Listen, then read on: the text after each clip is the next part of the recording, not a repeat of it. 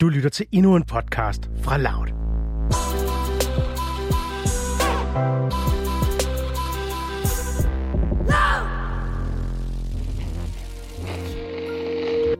From the lakes of Minnesota to the hills of Tennessee. Vi er på en landingsbane i den amerikanske by Johnstown, der ligger i delstaten Pennsylvania, som jo er en af de helt afgørende såkaldte svingstater, som kan ende med at afgøre, om Trump får fire år mere på præsidentposten. Trump stiger ud af Air Force One, badet i spotlys og med et øh, overgivet menneskehav foran sig. Mange af de fremmødte har de velkendte røde Make America Great Again kasketter på, og i bedste coronastil bærer de specielt designede MAGA mundbind. De kæmper alle sammen om at få et glimt af deres præsident, eller i hvert fald få et øh, billede eller en video med ham på deres fremstrakte telefoner. Der er skabt en lille sti igennem mængden, som Trump bevæger sig hen af, mens han vinker og klapper, smider et eller andet ukendt ud til publikum og i bedste kampagnestil peger på folk. Det er åbenbart sådan noget, man gør. Måske for at få folk til at føle sig set. I don't know.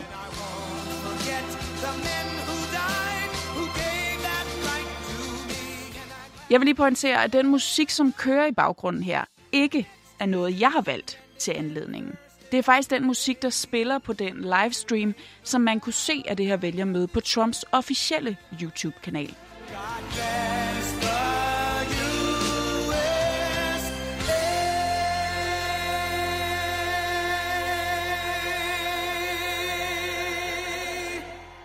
Ja, et øh, ganske fængende nummer. Nå, men Trump ender oppe på et øh, stort podie, hvor der sidder folk på en tribune bag ham, og endnu en flok står foran på jorden. Alle virker meget begejstrede og begynder nærmest at messe USA, USA, USA.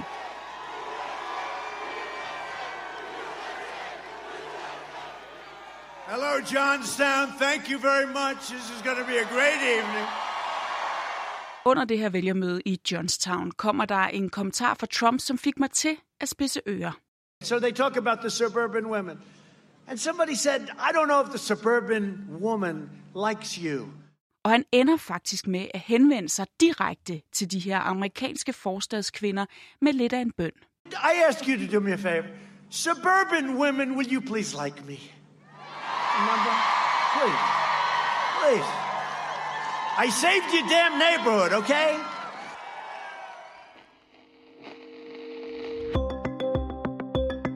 Hvad er det med Trump og forstadskvinderne? Det ser vi nærmere på i dag, hvor du skal møde to af dem, Lynn og Robbie. Som mange andre hvide republikanske kvinder stemte de på Trump tilbage i 2016 og var med til at give ham magten i USA. Men nu vender de om ryggen, og det kan måske blive helt afgørende for præsidentvalgets udfald i november. Du lytter til Udsyn. Din vært, Christine Randa. I live in the suburbs, and a lot of people that I know have left the Republican Party or will not be voting Republican this time around. Det her er Lynn Smith. Hun er en forstadskvinde. Altså en af dem, som Trump gerne vil have, skal kunne lide ham. Eller han vil nok rettere sagt bare gerne have, at de stemmer på ham. Og det gjorde Lynn faktisk tilbage i 2016. Men det kommer hun altså ikke til i år. President Trump is an embarrassment, and I don't want to have to think about the President of the United States every day. Mm-hmm. I just want to live my life and know that he's doing his job and protecting the country. And you know, I can't I can't say that about President Trump. Mm-hmm. Anna Alling, du er vores øh, korrespondent i USA, og det er dig, der har talt med Lynn. Hello. Hi, Lynn. Hi, how are you? I'm good. I'm good. This is Santa. How are you doing? I'm good, thank you. Øh, hvor kender du hende fra? Jamen, jeg har talt med, med Lynn øh, de sidste par, par måneder, faktisk. Øhm, og jeg tror, jeg fandt hende over Twitter. Øh, og så har jeg talt frem og tilbage med hende de sidste par måneder om, ligesom hvordan hendes, øh, hvordan hendes holdning har været, og, og hvordan hun rykker sig længere og længere væk fra, øh, væk fra Trump. Og hvem er hun? Altså, hvad er det for et liv, hun lever? Lynn, hun bor i, øh, i St. Louis, Missouri, altså en, i her i, i, hun bor i Midtvesten. Øh, så arbejder hun på et, øh, et hospital, hvor hun er sekretær. Øhm, og så er hun, er hun gift med en brandmand, så hun er virkelig, altså udover at være den her vigtige forstadskvinde sådan i vælgergruppe regi, så har hun også været helt tæt på i forhold til, til coronakrisen ved, ved både altså selv arbejde på et hospital, men også at hendes mand er en såkaldt first responder, som de bliver kaldt herover. Øhm, så, så derfor så er coronakrisen virkelig vigtig for hende. Og Linds syn på Trumps håndtering af coronapandemien vender vi tilbage til lidt senere. Hvad er det for en generel tendens, som Lind hun, øh, hun, hun bekræfter og som hun er en del af? Det vi så i 2016 var jo, at, øh, at Trump han altså virkelig vandt ind hos hvide kvinder i, i forstederne. Det er jo selvfølgelig et, et, en kæmpe gruppe, men, men sådan rent overordnet, så stemte de i høj grad på ham. Øhm, og det ser meningsmåling ifølge meningsmålerne altså ud til, at de ikke gør i samme grad i år. Lynn, hun har altid været republikaner. Hun øh, har været, altså er, er højreorienteret, kon- konservativ, og sådan har hun altid været hele sit liv. Altid stemt på det republikanske parti. Men altså nu, der har hun simpelthen opgivet øh, sit parti, og det har hun gjort på grund af Trump.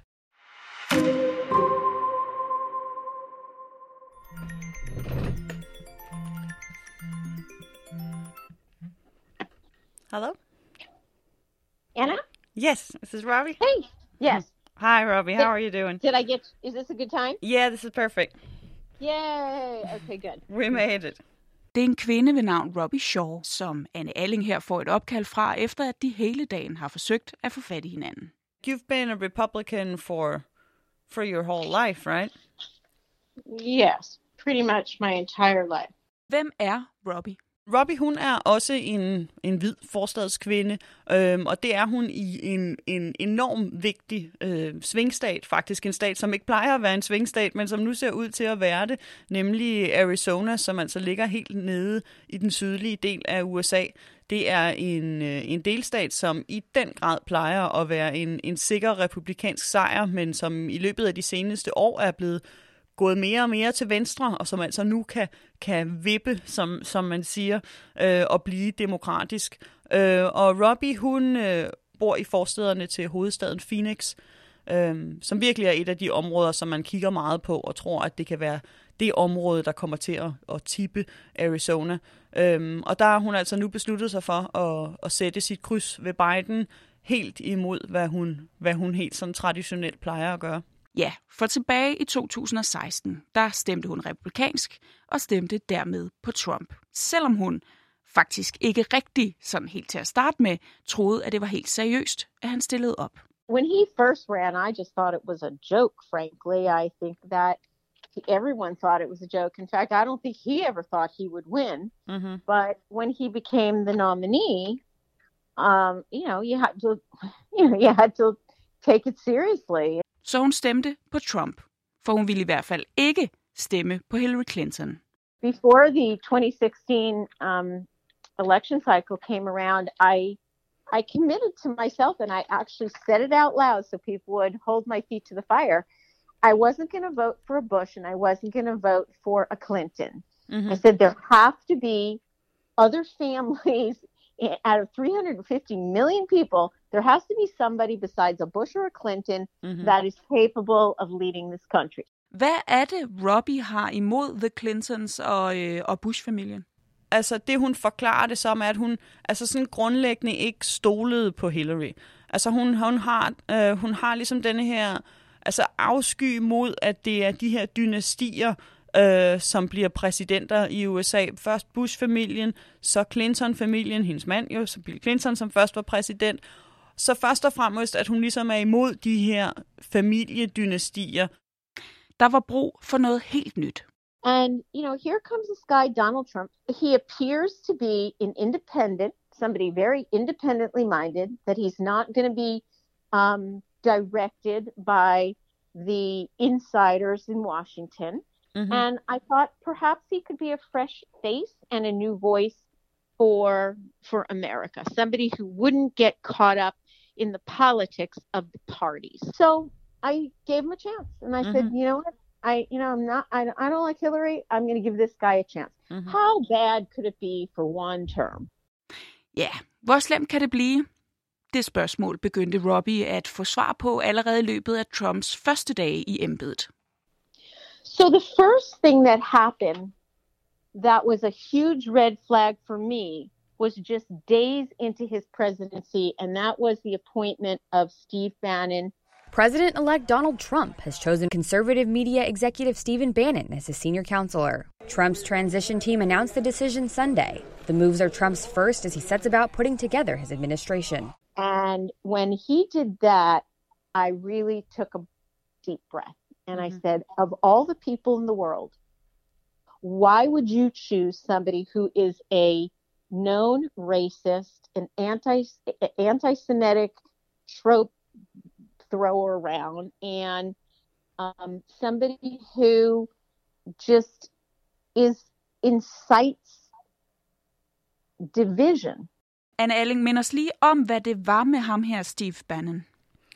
Men Steve Bannon, han er jo øh, ja, noget af en, af en karakter i, i amerikansk politik. Han, øh, han er blandt andet medstifter af, af mediet Breitbart, som, som virkelig er et, et højreorienteret, øh, altså langt ude på højrefløjen medie. Øh, og han har ligesom denne her, han har sådan en populistisk idé øh, om, at, altså, at USA skal, skal være ja, made in America, og man skal stoppe ligesom samarbejdet, de transnationale samarbejder, og, og han har i det hele taget været en af chefstrategerne bag Trumps 2016-kampagne, som man godt vidste dengang ligesom var i den grad havde en finger med i spillet, men som altså så da Trump blev præsident, blev udnævnt ligesom til at være del af, af hans administration. Og det er noget, som, øh, som Robbie altså virkelig, virkelig havde det svært med, fordi at Steve Bannon altså har et, øh, et noget ekstremt ry, øh, som, som hun ikke kunne stå inden for at skulle være en del af, af regeringen. Og der gik altså ikke særlig lang tid, før hun vendte Trump ryggen. there came a point fairly early on where I just thought this guy's a joker. He's a one term president and he, forgetting about his policies, um, he's just unfit for office. He doesn't have the intellect, he doesn't have the understanding, he doesn't have the interest in learning. Mm-hmm. Um, and and it, it was it was sort of just an evolution it just kept things kept happening and I shake my head. Anne Alling, når øh, du har talt med flere af de her forstadskvinder rundt omkring i de amerikanske delstater, er der så nogle klare sådan, øh, hvad skal man sige, fællesnævnere? Altså nogle bestemte episoder, udtalelser eller handlinger i løbet af Trumps præsidenttid, som generelt har fået mange af de her kvinder til at vende ham ryggen? Jo, det er der helt sikkert. Øh, altså, den, den, den første store fællesnævner er, altså, er Trumps stil. Øh, hans, hans måde at tale på, hans, hans måde at tweete konstant på, hans mange løgne, øh, hans måde at tale om, om kvinder på, om medierne på. Hele den, den stil er, er mange kvinder rigtig meget imod. Men så er der også altså, det rent politiske. Øh, en af de ting, som, som Lind hun peger på, jamen, det er hele rigsretssagen, hvor hun virkelig var dybt forarvet over at, at se, at der i hendes øjne var så tydelige beviser på, at, at Trump havde gjort noget kriminelt, men, men at han stadig slap fri, takket være det republikanske parti, som altså blev ved med at støtte op om ham. I mean, he obviously doesn't respect the rule of law. Um, i read the Mueller report, and I, I, I think it's it was atrocious that he would ask a foreign country to interfere in our election. Øh, noget andet, som, som jeg også hører fra mange af kvinderne, det er den måde, som, som Trump han har udtalt sig om militæret på. Øh, blandt andet den gang, han, han talte om den nu afdøde senator John McCain, som han, John McCain han, øh, han blev taget til fange, øh, da han var i militæret under, under Vietnamkrigen, og der mange kan måske huske, at der var Trump ude at sige, at han bedst kunne lide dem, som ikke blev taget til fange, at han ikke synes, at McCain var en krigshelt. He's not a war hero. He's a war hero. He's a war hero. He's a war hero because he was captured. I like people that weren't captured, okay? I hate to tell you. Det er altså virkelig noget, som har sat sig i mange amerikanere, og også i øh, forstadskvinder, som, som for eksempel Lynn. To me, that was anti-military, you know, and you would think that the Republican Party was thought of themselves as pro-military. Øhm, derudover så taler de også om, om alle de løfter, som Trump gav, og som de i høj grad ikke synes, han har holdt. Robbie, hun taler blandt andet om muren, som Trump jo lovede, at han ikke bare ville bygge, men han også ville få Mexico til at betale for. We're going to build the wall. We have no choice. We have no choice. Build that wall. Build that wall. Build that wall. So, we're going to build it. Who's going to pay for the wall? 100%. Og der er Robbie altså voldsomt vred. Said Mexico was going to pay for it. He campaigned on that. He said Mexico is going to pay for the wall. Guess what? You know who's paying for the the the, the redoing of the little bit of wall that has been done? Us, Americans. Mhm. Our taxpayer dollars are paying for that. And and then he, you know, he comes out and he says, "Oh, you know, they're going to pay for it because there's going to be a toll booth for them to come through." I mean, some bullshit thing. Excuse me, Mm-hmm. but but he he he didn't he hasn't kept his promises there was no wall Og så tror jeg, at den største fællesnævner for, for dem alle sammen er Trumps håndtering af coronakrisen. At, at de simpelthen føler, at Trump han er medskyldig i, at mere end 200.000 amerikanere har mistet livet. Øh, Både Robbie og Lynn, jamen, de kan jo se ud i resten af verden, hvordan resten af verdens lande har håndteret krisen, og hvordan USA altså så ultimativt har det højeste dødstal. if you look all across the world nobody has handled the coronavirus as poorly as us Øhm, og det beskylder de i høj grad Trump for, fordi at han fra starten af altså har blevet ved med at skubbe på for, at øh, landet skulle åbnes op igen, og han jo i starten blev ved med at nedtone krisen. Det er virkelig det, som de føler øh, har, har gjort det endelige udslag for, at de simpelthen ikke vil støtte op om Trump længere, men også at, at de faktisk ikke føler, at de vil støtte op om det republikanske parti. I've heard from many women like myself saying, you know, I voted for him in 2016. I'm not going to do it again, that kind of thing. Mm-hmm. Um, and yeah, I, I think it really did take COVID for people to to s- say that and say that out loud. Vi slutter, hvor vi begyndte. Tilbage ved vælgermødet i Johnstown, Pennsylvania, hvor Trump står på talerstolen og pludselig taler om forstadskvinder. They said they may not like the way you talk, but I'm about law and order. I'm about having you safe. I'm about having your suburban communities. I, I don't want to build low income housing next to your house, okay, if that's okay. But suburban women, they should like me more than anybody here tonight. Synes Lynn og Robbie, at Trump, som han selv formulerer det, er about law and order? Um, ja, det tror jeg, de synes, altså sådan i forhold til, øh, til hans, hans måde at, at gribe ind i, i for eksempel byer som, som Chicago. Øh, og sådan. Altså, jeg har talt med mange forskellige konservative kvinder, og det er en af de ting, som der bliver lagt vægt på, at de er nervøse for de her protester, som, som vi ser rundt i landet. Øh, de er nervøse for, at de ikke vil blive holdt under kontrol. Men, men hele det der law and order fokus, altså det visner lidt i forhold til alt andet, som, øh, som Trump har gjort. Øhm, hvor at, øh, at Lynn og Robbie altså også føler, at, en, at at meget af den konflikt, som er i, i USA lige nu, og den konflikt, som jo så udmunder i mange af de her demonstrationer, at det altså også er en konflikt, som Trump bærer en stor del øh, af skylden af. Øhm, fordi at han, hans måde at, at, at, at tale på, og hans, hans, hans den politik, han fører, i deres øjne er enormt splittende. Altså, den splitter samfundene på en måde, som rigtig mange amerikanere ikke har har oplevet virkelig, virkelig længe. Altså familier, som, som ikke kan enes, fordi at den ene stemmer Trump, og den anden, øh, den anden stemmer Biden. Øhm, og altså både i familier, men også ude i samfundet, hvor der virkelig er en, en vrede mod hinanden, alt efter hvilket parti man hører til. Øhm, jeg spurgte Robbie, om hun om hun ligesom kunne forstå, fordi der jo stadig er, det skal vi jo huske, altså der er stadig mange kvinder, som stemmer på Trump, og som måske ikke er super begejstrede for hans stil, men som stadig står ved eller vil holde ved deres republikanske, deres konservative værdier, og derfor stemmer på en republikansk præsident. Og jeg spurgte Robbie, om hun kunne forstå de her kvinder, som jo plejer at være hendes medsøstre. Og altså, det gør hun ikke længere. Hun forstår ikke de her kvinder. I ask you to do me a favor. Suburban women, will you please like me? Remember? Please. Han er jo altså helt direkte over for de her forstadskvinder. Han beder dem direkte, forstadskvinder som Lynn og Robbie, om at kunne lide ham. Hvorfor gør han det?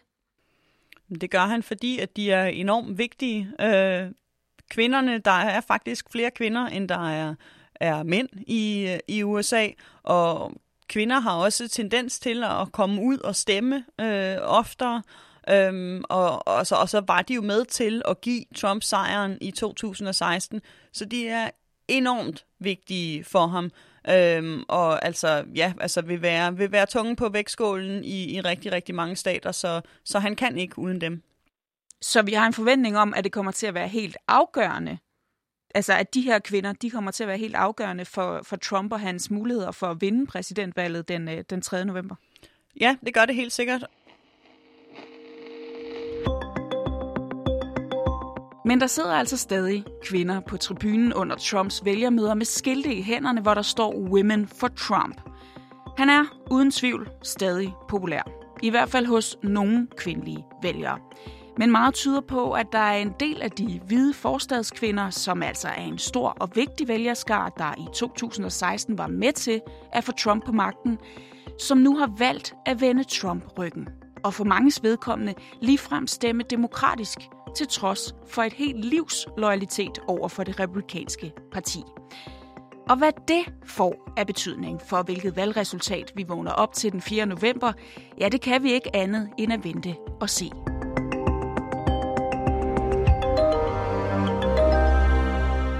Du har lyttet til en podcast fra Loud.